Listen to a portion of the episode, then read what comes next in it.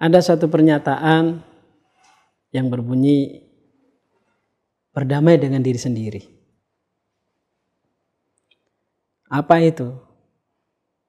Arti pernyataan tersebut. Kata damai, berdamai, kata damai itu menggambarkan satu kehidupan yang harmonis.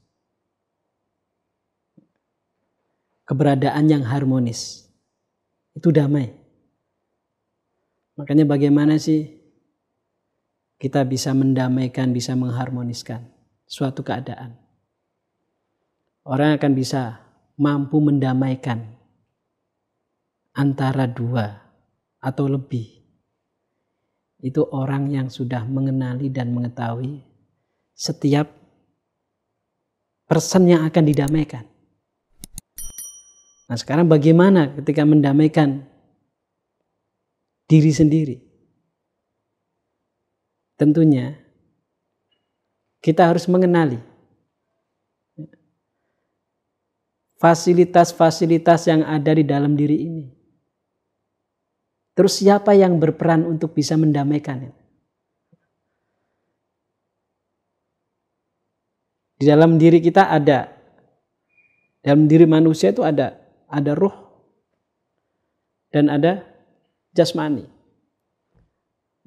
ada fisik. Jadi perjumpaan roh dengan fisik ini sebenarnya bukan bukan antara satu dua. Nah, yang harmonis keberadaan yang harmonis di sini dalam diri kita adalah ketika diri ini mampu bisa dikendalikan oleh rohaninya. Karena kehidupan ini adalah rohani. Makanya ada satu penjelasan hubungan roh dengan unsur-unsur yang ada di dalam tubuh ini seperti hubungan pernikahan. Namanya pernikahan itu bertemu. Bersatu. Ini pernikahan. Makanya ketika kita mendamaikan diri kita, ya, kita harus kenal siapa diri kita ini sebenarnya. Oh ada roh dan juga ada sisi-sisi jasmani.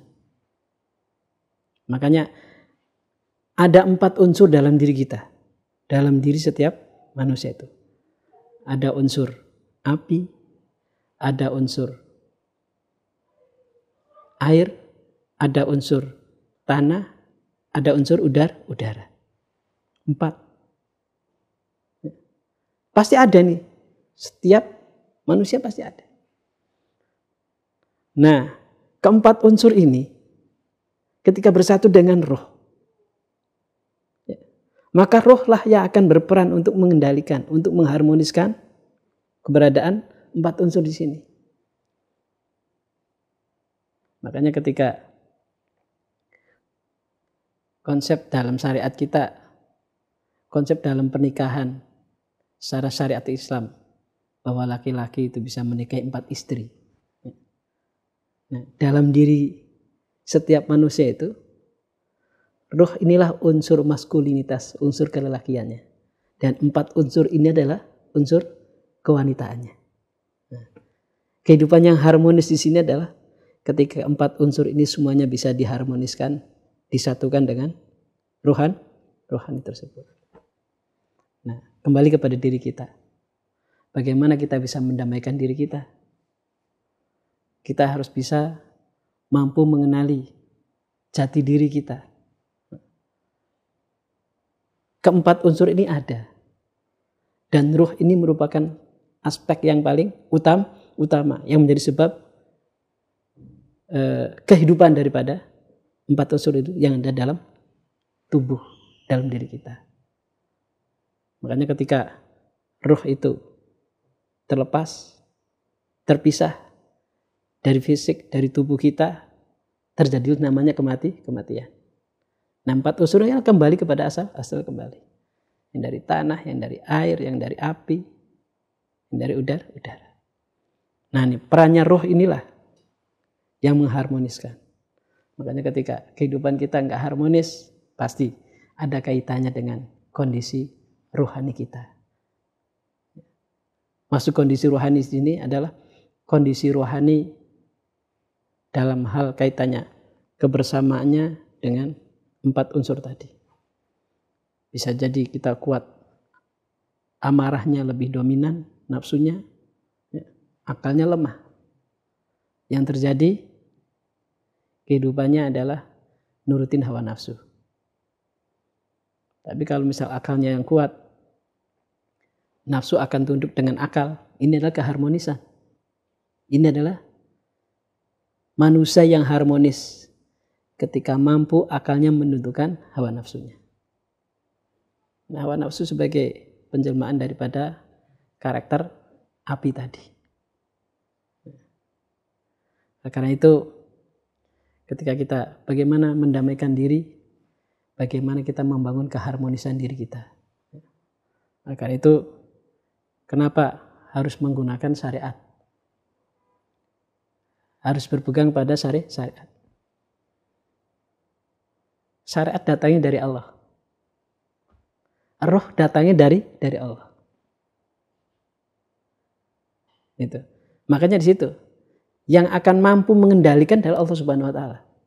Makanya syariat ini sebagai penjelmaan daripada Allah Subhanahu wa taala yang akan mendampingi, akan mengarahkan bagaimana keberadaan ruhani ketika sudah berkelana ada dalam tubuh setiap manusia.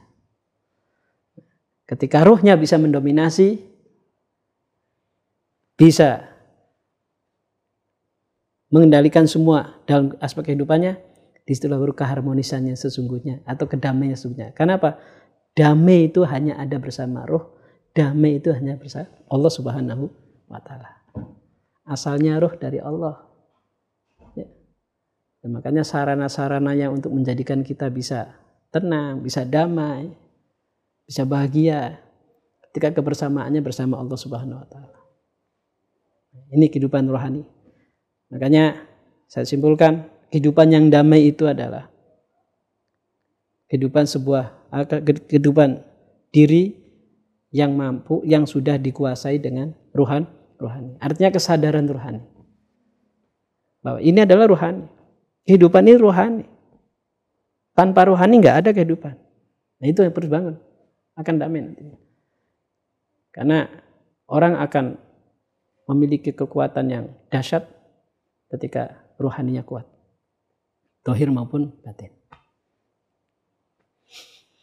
Terima kasih. Assalamualaikum warahmatullahi wabarakatuh.